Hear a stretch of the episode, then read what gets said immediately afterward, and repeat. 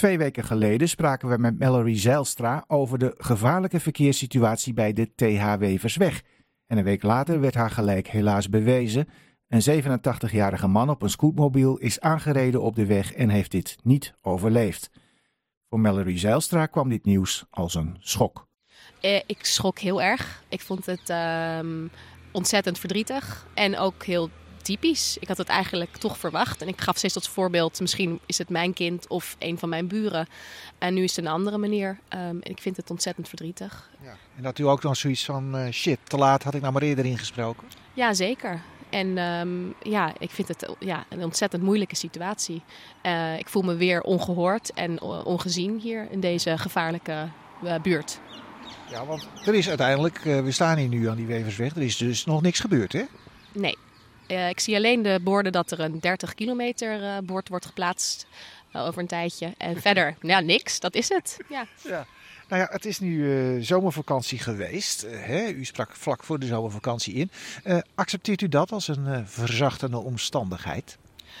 Eerst accepteerde ik het wel, maar toen eerste schooldag begon en ik mijn dochter naar school bracht hier dichtbij. En ik zag hoe de nieuwe school hier tegenover um, ja, helemaal vol met allemaal kinderen en moeders en auto's die probeerden te parkeren, realiseerde ik me dat dit niet snel genoeg kan veranderen. Dus nee, eigenlijk accepteer ik het niet. Nou, en nou staat degene die het een beetje heeft aangezwengeld uh, in de stadsdeelcommissie hier toevallig ook naast me. Janan Ujar, stadsdeelcommissielid PvdA. Wat was uw eerste reactie toen u het hoorde? Uh, ik was boos. Behoorlijk boos, omdat zowel bewoners als ik uh, toen de tijd vragen richting de portefeuillehouders stelden en ook uh, aankaarten dat er zo snel mogelijk iets moest gebeuren. En dat wij uh, gezamenlijk ook een toezegging erover hadden gekregen. Dus ik was behoorlijk boos in de zin van, moest dit zover komen?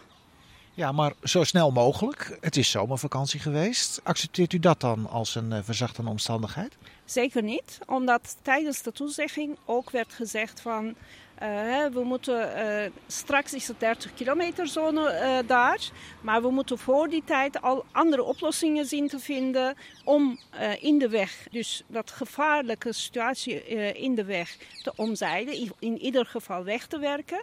En die toezegging is door de portefeuillehouder gedaan. Dus als hij zoiets had van er komt zomervakantie, ik tiel dat over het reces heen, dan zou ik het begrijpen. Maar zo heeft hij niet gesproken richting ons. Ja, maar goed, in een zomervakantie zit je wel met de praktische omstandigheid dat er ja, allerlei ambtenaren moeten gaan kijken welke maatregelen worden genomen, of dat geen nieuwe risico's geeft. Uh, moet een plan worden gemaakt, uh, moet er misschien beleiding komen, borden komen. Mensen moeten ook dingen doen, het is bouwvak. Zou ze met zo snel mogelijk niet ook gewoon na de vakantie hebben bedoeld? Nou, zij heeft specifiek toen gezegd van ik breng de gebiedsmakelaar in contact met Mallory en met de bewoners om zoveel mogelijk ideeën te verzamelen en daarvoor hoef je, hoeft er geen reces te zijn. Mevrouw Zijlstra, is die gebiedsmakelaar geweest? Nee. Ja, mevrouw Jaar, uh, wat gaat u dan doen om de vaart in te krijgen? Nou ja, uh, kijk, ik wist uh, afgelopen woensdag is het ongeluk gebeurd met dodelijk volg uh, natuurlijk. Uh, ik was nog niet op de hoogte gesteld van, de, van het ongeluk. Ik vroeg aan Jasmine nadat ik met... dat is de portefeuillehouder, hè, voor de, de duidelijkheid. De, Jas, Jasmine Alksai. Ja, de portefeuillehouder heb ik gevraagd van...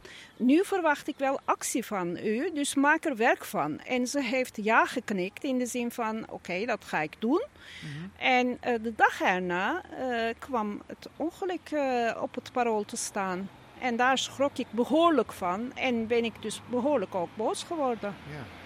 Maar wat gaat u nu doen om er dan toch wat vaart in te krijgen? Want uiteindelijk is er nu nog steeds niks gebeurd, hè? Nee, er is nog steeds niets gebeurd. Uh, vorige week heeft ze dus uh, toch nog een keertje de toezegging gedaan. Uh, nu is het aan ons om haar aan de toezegging te houden. Ja, hoe? Nou ja, door druk uit te oefenen, zowel vanuit de bewoners als vanuit uh, mij, uh, vanuit de stadsdeelcommissie. En wat voor termijn heeft u dan in gedachten? Nou ja, voor, in ieder geval voor de kerstvakantie dat er iets voor moet de kerstvakantie, gebeuren. dat duurt nou, nog maanden. Nou, dat duurt maanden, maar uh, goed, gesprek met de bewoners en dergelijke. Hè, dat start, want het moet nu al gebeuren. Hè ideeën op, uh, uh, verzamelen bij de bewoners, ideeën ophalen en dergelijke. En dat uitwerken, uh, dat vergt meestal een paar maanden. En als ik zeg van herfstvakantie, wat mij betreft, liever herfstvakantie dan de kerstvakantie. Maar herfstvakantie is over een maand. Dus dat is helemaal niet haalbaar. Zeker omdat zij nu het een en ander tijdens het zomerreces hebben laten liggen. Ja. Nou, mevrouw Zeilstra, misschien wel de kerstvakantie. Ja, en het, het grappige is dat ik nu alleen maar. Ik wacht gewoon alleen maar op gehoord worden. En uh, zo snel mogelijk, liefst. Als ik uh, het woord krijg dat er iets gebeurt, dan ben ik blij. Um, het, het moet gewoon. Ik heb echt het gevoel dat het nog erger kan uitpakken hier. Vooral met al die kleine kindjes die ik zie. Dus uh, liefst morgen. En als het de kerstvakantie is, dan accepteer ik dat. Um, dan blijf ik me ik, ja. uh, ik zie dat mevrouw Jar de vinger opsteekt. Ga ik snel naar haar? Ja, nou, snel naar haar. Ik heb kerstvakantie genoemd, maar dat is de uiterlijke datum Precies. wat mij betreft. Zo voel ik me ook. Uiterlijke datum. Dan moet alles in kannen en kruiken zijn op deze gevaarlijke weg. Ja, Melanie Zijlstra en Janan Oujar waren dat. Uh, we hebben ook het stadsdeel om een reactie gevraagd, maar hebben tot nu toe geen inhoudelijke reactie van het stadsdeel ontvangen.